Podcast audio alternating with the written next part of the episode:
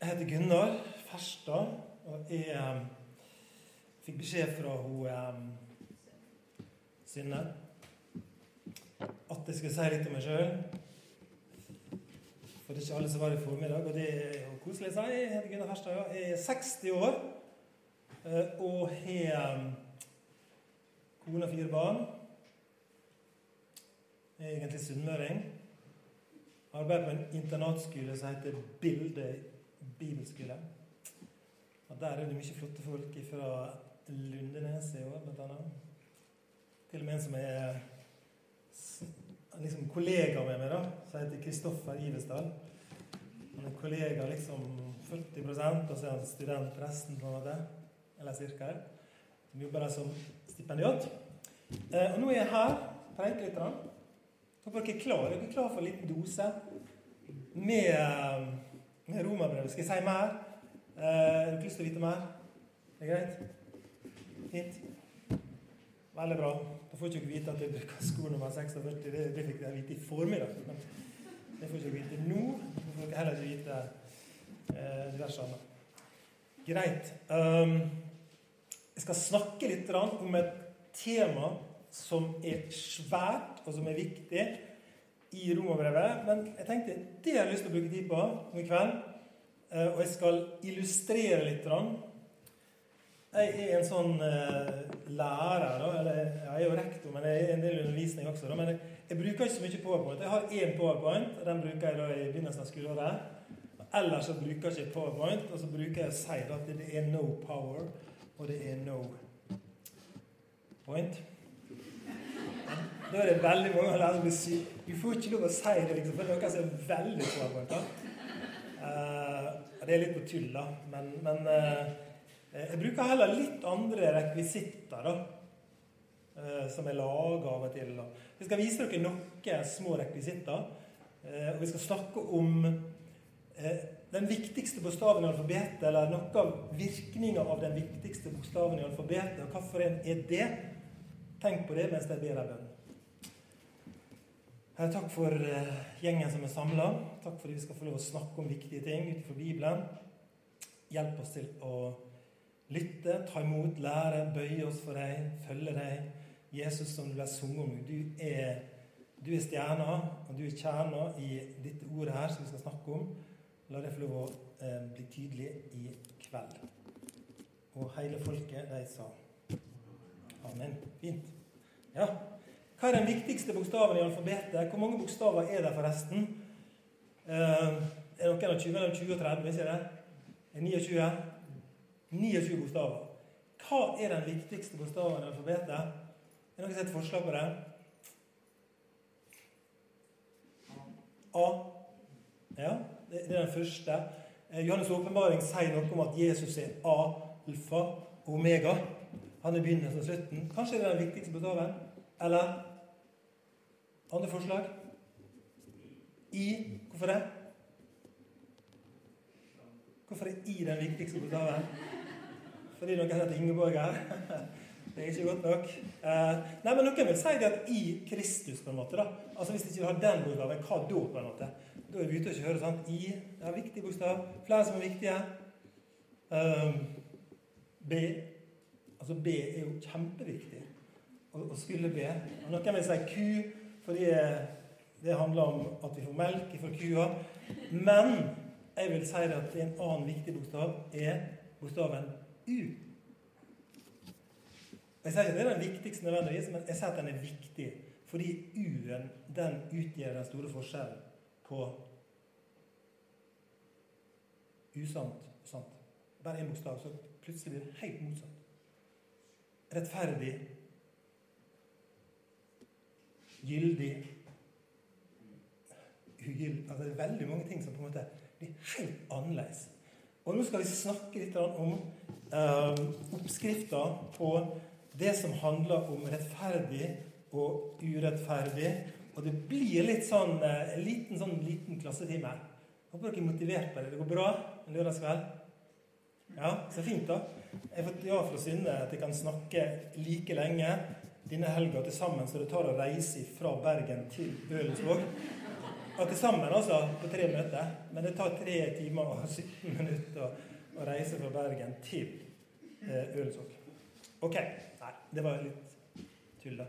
Men romerbrevet dere sa jeg litt om i formiddag. Noe fra det, kapittel 8 spesielt. Og Nå skal jeg holde meg litt lenger framme i romerbrevet. Fra kapittel 1 til kapittel 3 så beskriver Paulus i romerbrevet de tre kapitlene, så beskriver han mennesket sitt sanne vesen hvordan vi er. Og jeg kan bare for, fortelle dere at det, det, er verre enn vi tror. Og det kan høres litt sånn depressivt ut. da, At det er verre enn du tror. Du tror det ikke før du får se det, eller du tror ikke det før du får lese egentlig hvordan det er med oss mennesker i forhold til Gud. Og Det handler ikke om menneskeverdet vårt, det handler ikke om å trykke oss ned, men det handler om konsekvensen av jeg holdt på å si han arve. Eh, synden, hvis dere kjenner han. Der har skjedd noe. Det har skjedd en arv som vi har fått med oss. Og pga. arven etter Adam eh, så er det ganske sånn dårlig stilt med oss. Og det er nesten sånn at Jeg liker ikke å snakke om det, fordi jeg syns det er nesten for drøyt. Men Romerbrevet 1-3 snakker om mennesket sin sanne stilling. Vi sier av og til at vi kan være gode på bunnen. Det sier det. Altså Mennesket er godt på bunnen. Der kommer vi langt nok ned, så er vi skikkelig gode alle sammen. Og så tenker jeg Det er akkurat motsatt, tenker jeg. Nesten. Jo lenger ned du kommer, jo mørkere blir det ofte. Eh, jo mindre viser vi av dette grumset kanskje som vi både tenker og bærer på oss, og som vi har med oss ifra arven etter Adam, på en måte. Kapittel 2, bare sånn lite glimt fra kapittel 2. Vers 12 og 13 så står det at alle som synder uten lova, skal, se, skal gå fortapt uten lova. Alle som synder under lova, skal dømmes etter lova. For det er ikke de som hører lova, som er rettferdige for Gud. Nei, de som gjør det lova sier, de skal han regne som rettferdige. Altså, det er en lov i Bibelen og så sier Bibelen det at det, det er ikke den som har den lova, men det er den som lever etter den lova, den som oppfyller den lova, de skal bli regnet som rettferdige. Og det er jobben for oss mennesker å skulle klare å oppfylle Guds lov. Og fra kapittel 1 og utover i kapittel 3, fram til vers 21 i kapittel 3, så bare maler på en måte Paulus på hva som er Guds krav, hva som er Guds standard, for å bli kalt for rettferdige. Han snakker om deg, han snakker om meg, han snakker om jødene. og Det tar altfor lang tid å snakke om alt det. Men lova er gitt oss av Gud. Og et uttrykk for lova det kan jo være de ti bud. Vi skal komme fram med dem etter hvert. Eh, og så står det noe rart. Kanskje litt rart. Eh, I vers 19 i Romerbrevet 3. Følg godt med nå. Vi veit at alt det lova sier, altså alle buda, det Gud krever oss, det sier hun til eh, de som har lova. Og så kommer det Så hver munn skal teie, og hele verden står skyldig for Gud. Jeg har lyst til at dere skal få med dere en kjempeviktig detalj, ikke en detalj, men en viktig sak om Guds lov, Guds bud. For vi tenker kanskje det og det er for så vidt riktig at lova som Gud har gitt oss, den er gitt oss for at vi skal holde henne. Vi skal prøve så godt vi kan. Vi skal stå på så godt vi kan og prøve å holde lova. Og det er for så vidt riktig på én måte. Eh, men så står det her at lova, det er gitt oss Det hun sier, det er gitt oss så hver munn skal Dere ser Bibelen dere, står det 'skal teie', og hele verden står skyldig for Gud. Med litt andre ord Guds lov, du skal og du skal ikke, har gitt oss for å avsløre oss, på en måte. At vi skal bli skyldige. Vi skal skjønne det, at ut ifra Guds lov, ut ifra Guds bud, så blir vi avslørt og står der med en lukka munn. Og Så har ikke vi tid til å prate om eh, hvordan lova også skal hjelpe oss etter at vi har tatt imot Jesus og følge Han og være formaning til et liv i etterfølgelse, som dere sang om i stad. Men ei av hensiktene med Guds lov det er at vi skal avsløre oss. Det skal vise oss at vi står med en lukka munn for Gud, og vi har ingenting å forsvare oss med. Arven etter Adam har ført til at vi ikke klarer å holde Guds bud. Eh, jeg har med litt av arven min etter mor mi.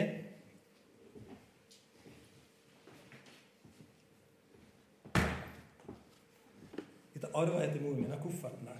Den hever jeg meg rundt av og til. Eh, det er litt av det jeg arva etter mor min. På handa mi så har jeg en ring som var far min sin. Den arva jeg etter han. Eh, dette er ting som jeg har tatt vare på. Og Så sier du at den kofferten den var ikke spesielt fin. Nei, han er ikke spesielt fin.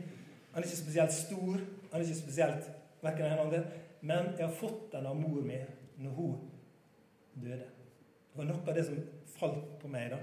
Ringen kanskje litt mer viktig, syns du. Eh, men disse tingene har jeg arva.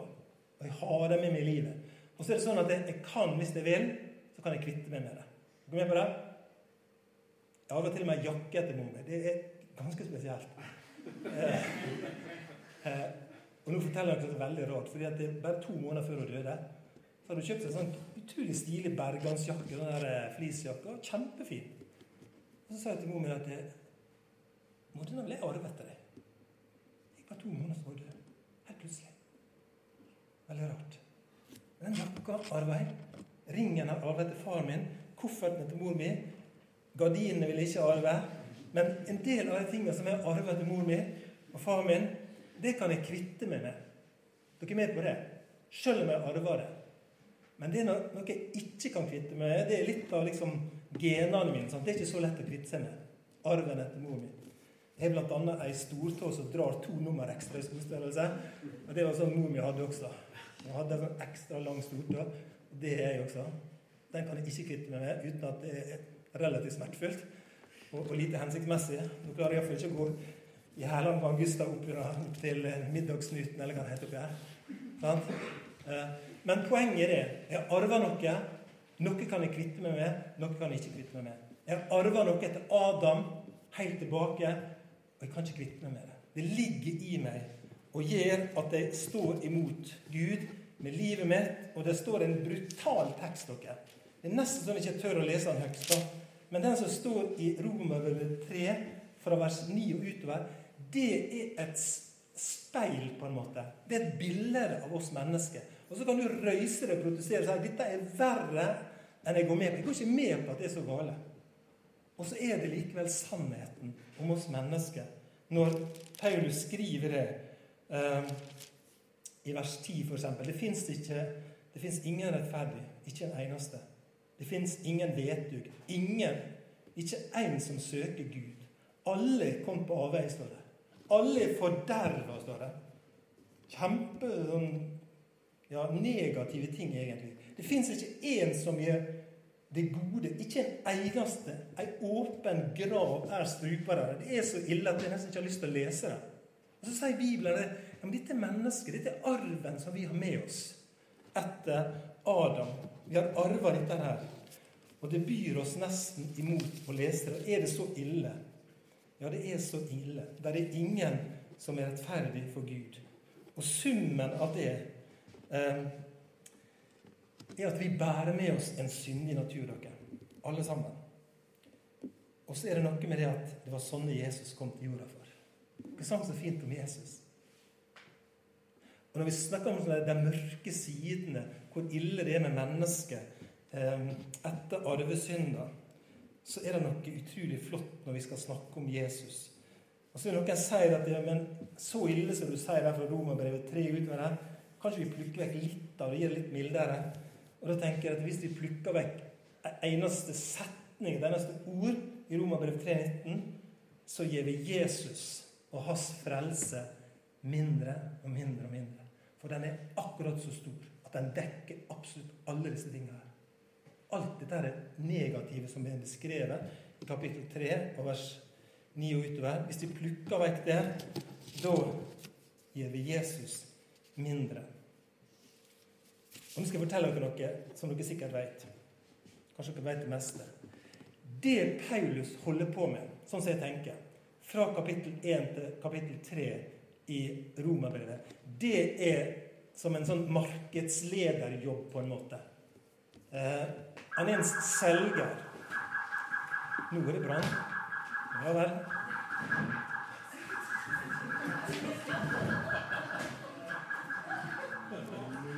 Altså, jeg, jeg, snakket om Andreas tidligere, og så, så jeg han så han hadde telefonen. Liksom. Og så skjer det noe. Det er ikke kjekt. Jeg håper inderlig at dette ikke er noe stort og, og vondt og vanskelig og trist. For dere? Det er ikke et hus som brenner her i, Ølen, men at det, det, er et eller annet lite. Det håper jeg. Jesus, det, det bare ber om. Det er beskyttelse over denne situasjonen.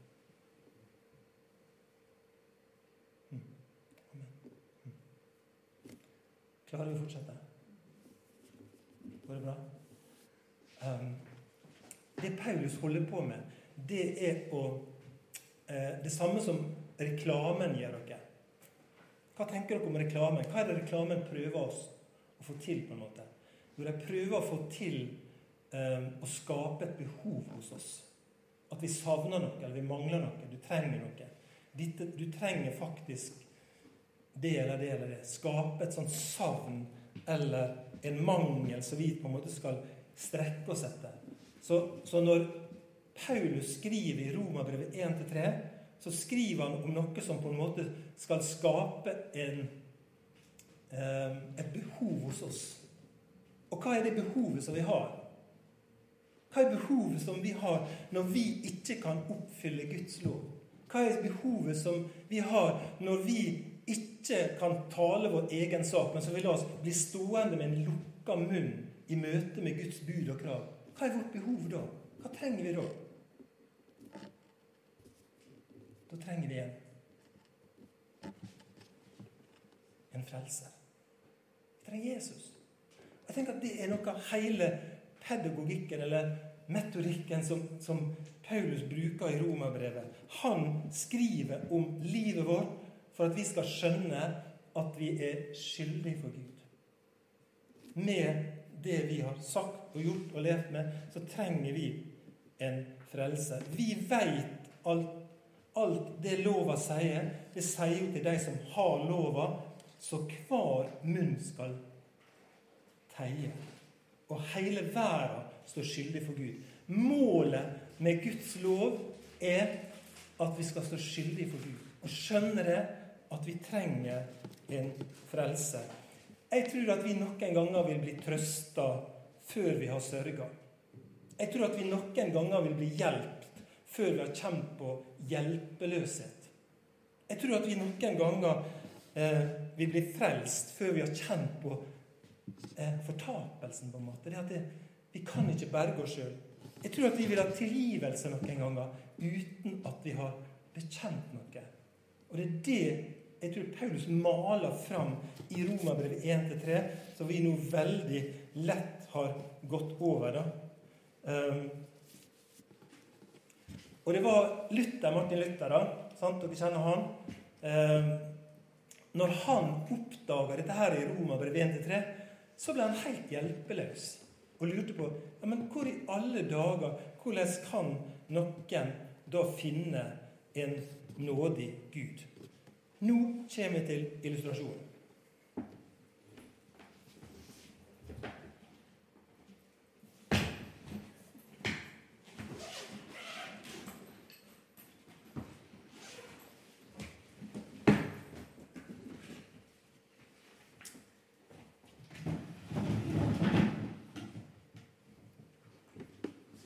Er dere spent?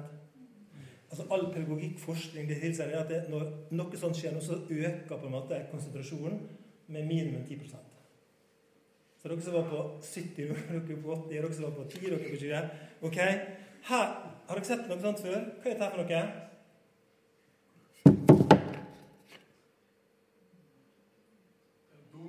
Det er domino. Det er domino. Det er helt rett. Og her er det første bud.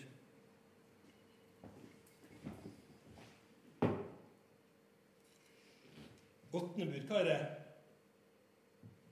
Jeg, jeg syns det er vanskelig sjøl. Jeg husker liksom Det er andre som syns det er litt vanskelig. Det er helt ille å si jeg rektor på en bibelskole syns det er vanskelig å huske rekkefølgen på buda. Men det faktisk, syns det er litt vanskelig. Så ærlig skal jeg være når jeg er ølen, da. Her er det tiende budet. Hvor mange er det? Det er ti, sant? Ja, ja det visste jeg. Ok. Der er syndebudet. Femte bud. Noen som husker noen av budene? I hele tatt? Er dere det? Det er litt forskjellig, sant?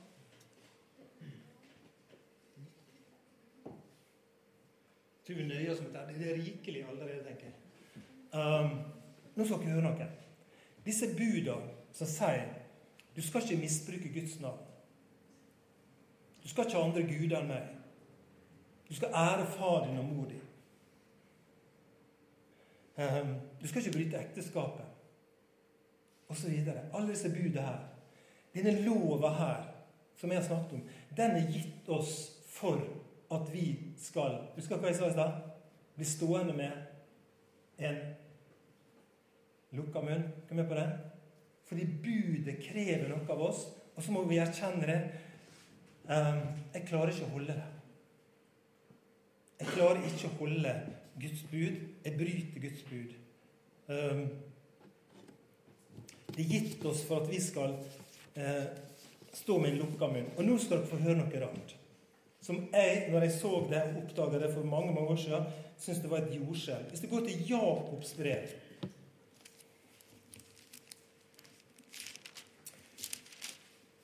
Dere som har Bibelen, eller liksom bak i, ganske langt bak i Nytestamentet etter brevbrevet. Hvis du går til Jakobs brev Nå skal vi høre noe revolusjonerende. Her er noe med penn og blyant her. Det er bare å notere ned. Her er jordskjelvet. Jakobs brev, kapittel 2, Eh, vers 8. Hør på står det. Dersom det oppfyller den kongelige lova i Skrifta, du skal elske nesten din som deg sjøl, da gir det rett. Og så står det Men gir det forskjell på folk, da synder det. Og lova klager dere som lovbrytere. For den som og nå må dere følge med, den som holder hele lova, men snubler i ett eneste båd, han har gjort seg skyldig i brudd på dem alle. Det er et jordskjelv. Fikk dere med dere det? Altså Hvis du holder hele lova, som er ganske vanskelig, men snubler i ett av dem, så sier Jakob det. Ja, da er du blitt skyldig i brudd på alle. Her kommer illustrasjonen. Da jeg var liten gutt, så brukte vi å lage sånne lange slanger på gulvet med dominobrikker. Er det noen som har gjort det? Det fins dominobrikker fortsatt. sant? Dere, dere er liksom det og så får du kanskje kommet ganske langt bort fra stuegulvet, og så kommer broderen inn, sant?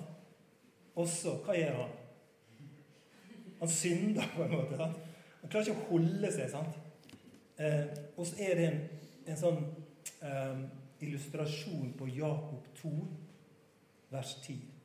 For den som holder hele lova, men snubler i ett, han har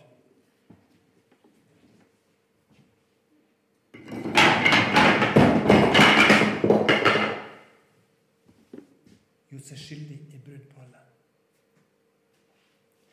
Og jeg tenker at det er det Romerbrevet 1-3 handler om.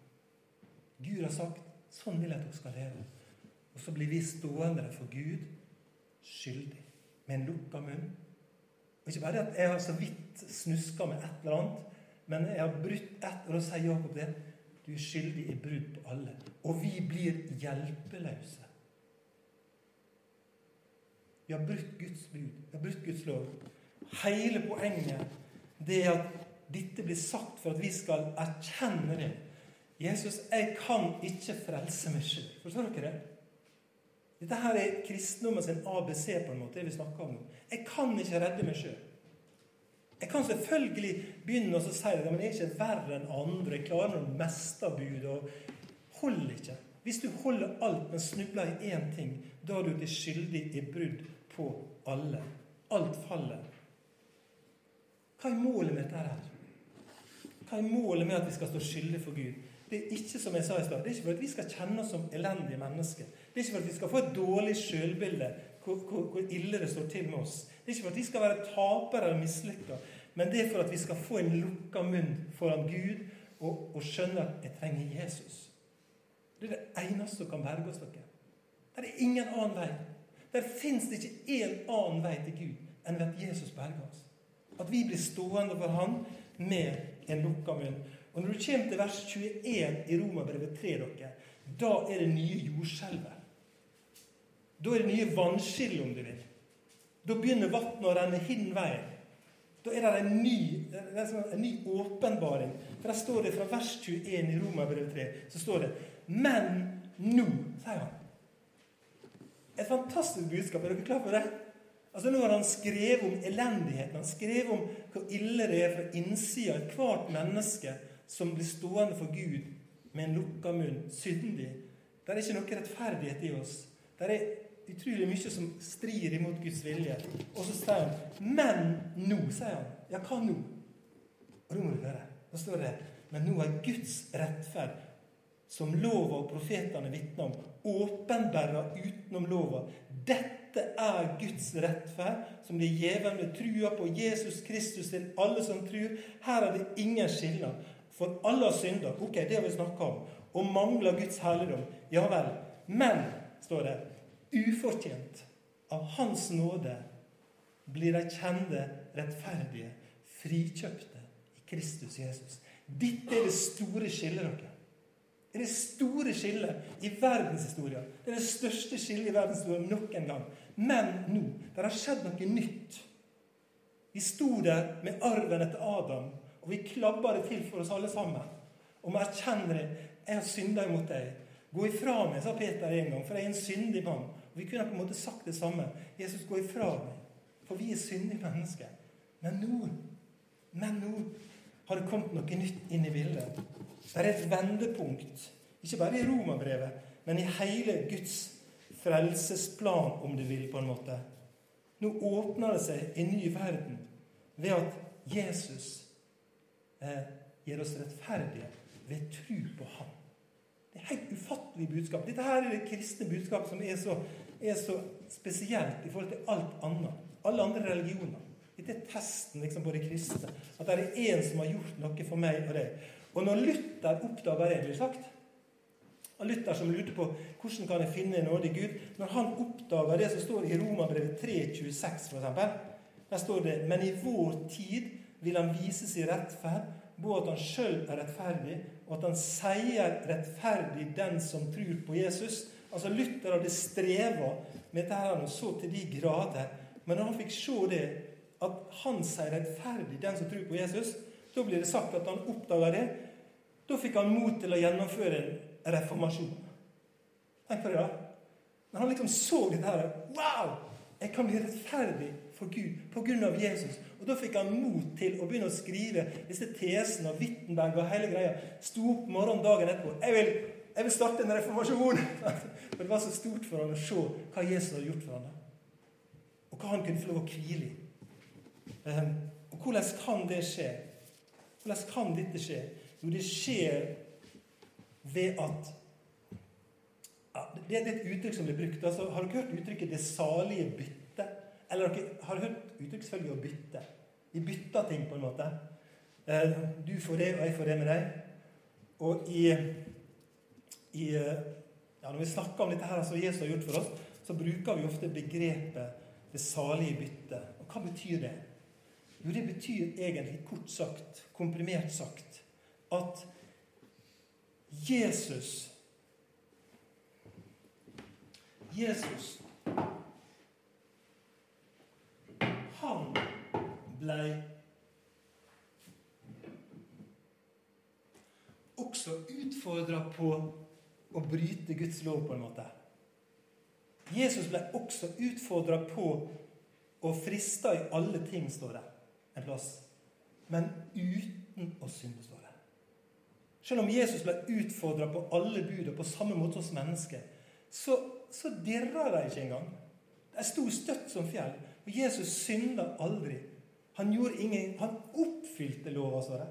I stedet for å bryte henne, i stedet for å avskaffe som det var et tema rundt, da, så oppfyller han lova til punkt og prikke. Det vil si, han lever et rettferdig liv. Og så sier han til oss Skal vi bytte? Skal vi to bytte? Du kan komme til meg med det som gikk galt og det ufullkomne, og så kan du få del i det fullkomne. Du kan komme med U-en din, og så kan du få bytte den vekk til rettferdig. Du som var urettferdig, kan bli rettferdig. Og nå skal dere få høre noe kjempesvært. Um, nå ble jeg varm i trøya. Skikkelig varm i trøya. Merker dere? Jeg ble litt ivrig. Rett og slett litt ivrig. Um, ekstremutgava av Romerbrevet 3,9, der det står alt om hvordan vi mennesker er. Vet dere hva det er? Ekstremutgave av det er at det handler om Jesus. Det er akkurat som Jesus går inn i arvesynda på en måte. Og så er det som om han sier det er jeg som er den urettferdige. Det er jeg som ikke har vet. Det er jeg som ikke søker Gud. Det er jeg som har kommet på avveie. Det er jeg som er forderva. Det er jeg som ikke gjør noe godt. Jesus identifiserer seg ved og tar på seg på en måte all synd dere. Gjennom alle tider. Jeg kjenner det er jeg som er og har gjort. Han tar på seg all verdens synd for oss. Um, det er jeg som har gjort det. Og så kan han si det er jeg som er Adam som falt. Jesus kan si det er jeg som er David som krenka Batseba og tok livet av Uria. Det er ei som er Peter som fornekter. Det er ei som, det er, som er ISK i Afghanistan. Det er akkurat som Jesus tar på seg allting. Forstår dere det? Så på dypet går Jesus og identifiserer og tar på seg all synd. Jeg er selvmordsbomberne. Jeg er IS, om du vil, som gjør de mest grusomme ting mot mennesker. Jeg er Hitler som gasser i hjel jødene. Jesus tar, Det er ikke en ting, dere. og Dette er, er ekstremt, syns dere kanskje. Men er det sånn at det var noe Jesus ikke tok på seg? Han bar all verdens synd. Alle ting. Jesus identifiserer seg med og tar all synd og urett på seg. Nå skal jeg gå inn for landing. Jeg skal vise dere en illustrasjon. En kjempespennende illustrasjon. Um, og Da skal vi først gå til profeten Jesaja. Og Hvis dere har hatt dere en liten pause nå og tenkt litt på andre ting, så er det greit. Men nå har jeg lyst til at dere skal logge dere på igjen. Er dere klar for det? Nå liksom sånn fem-seks minutter, så er vi ferdige. Okay? Uh, Jesaja 1,18. Der står det og Her er denne byttegreia som vi snakket om i stad. Jesaja 1,18. Kom, la oss gjøre opp vår sak, sier Herren.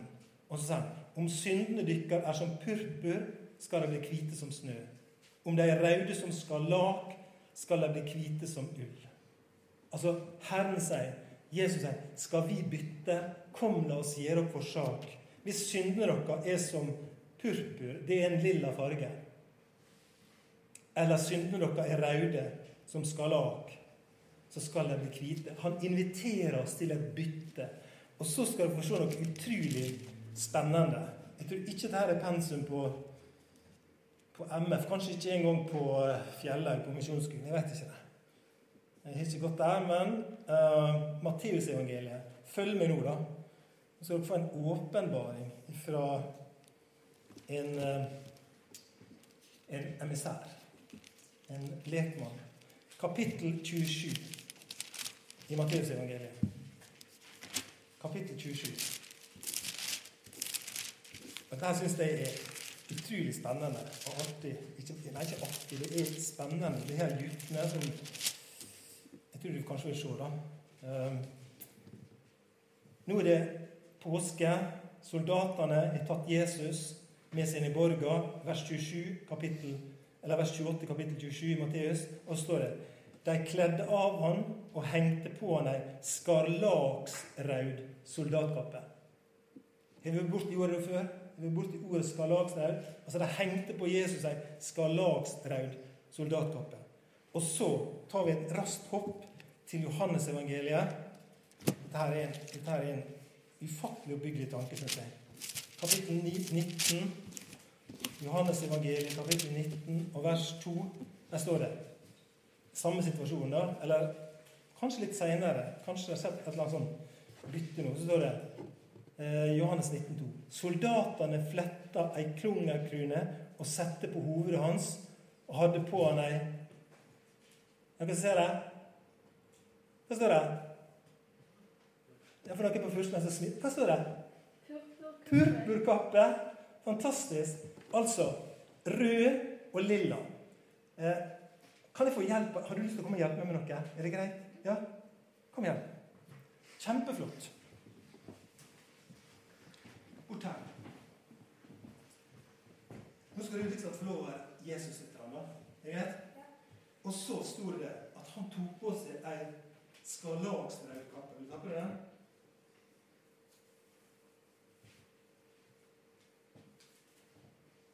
Han er stor her, og så skal jeg si litt. Jeg tenker det. At den skarlagsrøde kappa, da Det er sånn Gud bare blinker ned til oss og smiler når han tenker på Jesaja 1,18, og så er det ei rød kappe. Og så tenker jeg, Når han blir ikledd den røde kappa, så tenker jeg og dette her er, Nå fantaserer jeg, forstår dere? Men jeg tenker at det, nå ikler Jesus seg alle de røde syndene. på en måte. Forstår dere? Og i den kappa der så tenker jeg at hver ei synd som mennesker har gjort, er ved Hver ei maske, eller hva det nå er for noe når det er laget av Det er vevd inn min og din synd. Alt som gjør det som vi brøt av Guds bud. Det er vevd inn, og Jesus ikler seg det. Det røde og Kjapt med det. Se her, da. Lukter litt her. Nei, ikke det. Dette går an. Ja? Ok. Hva heter du? Jørgen. Takk fordi du ville komme fram. Jeg syns det var kjempeflott. Nå kan du stå her. Jesus ikler seg det røde og det lilla. All synd. Er dere med på det? Det er vevd inn og så ikler han seg det, og så går han mot korset. Og så står det noe på den T-skjorten. Noen som klarer å lese hva står der? Er det noen som vet hva som er slagordet til Nike? Hva er det? Just do it. Hør. Jesus ikler seg all synd gjennom alle tider fordi vi har brutt Guds bud. Og så kjemper Jesus en kamp, og så spør han Jesus det. Jeg spør han far det, er det mulig at denne skåla sant? i jeg ikke husker det, er det mulig at jeg kan slippe det? Og så ser at far bare svarer, og nå fantaserer jeg igjen litt. Sant? Så sier bare Gud Just do it. Just do it ikle deg all synd gjennom alle tider og bær det opp på korset. Just do it.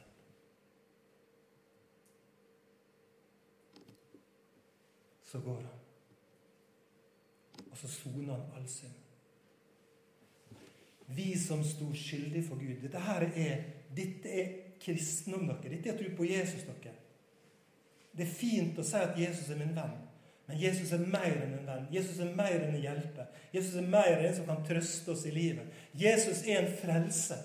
Og han er en frelser på en sånn måte at alt det vi brøt, det holdt han. Han oppfylte det vi ikke kunne oppfylle. Vi har ikke en sjanse uten Jesus. Vi blir stående med en lukka munn. Og så ikler han seg all synd gjennom alle tider. Og så ber han om å slippe, men Gud sier 'just du vet', og Jesus gjør det for deg. Og så sier han, i kveld til deg skal vi bytte. Alt som gikk galt i mitt liv og ditt liv, det tar Jesus på seg. Og alt han levde, det får vi del i. Slik at vi går fra å være urettferdige til å bli rettferdige for Gud. Vi blir tilregna noe. Det er ikke noe vi har tilegna oss, men vi blir tilregna en rettferdighet som Jesus brakte oss. Og Da er mitt spørsmål i kveld at dere ser Vil du ta imot det? Vil du ta imot det? Vil du si ja, Jesus, jeg vil bytte. Her kommer jeg med mitt, og så kan jeg få ditt. Og så kan du ikle meg Jeg kjenner ikke meg kvitt deg. Jeg kan liksom ikke låne skjorta der. Men, men, det er litt fristende å være tredd en hvit over Jørgen her og så bare illustrerte det. At vi blir rein og rettferdig og himmelen verdig på grunn av Jesus. Dere. Og da starter det et liv der lova på nytt skal hjelpe oss. Er dere med på det? Det har en annen funksjon. For vi klarer ikke å oppfylle den, men den har en annen funksjon til å hjelpe oss å leve kristenlivet i denne verden. Dette ble lenge. Dette ble langt. Har dere skjønt hva jeg snakker om?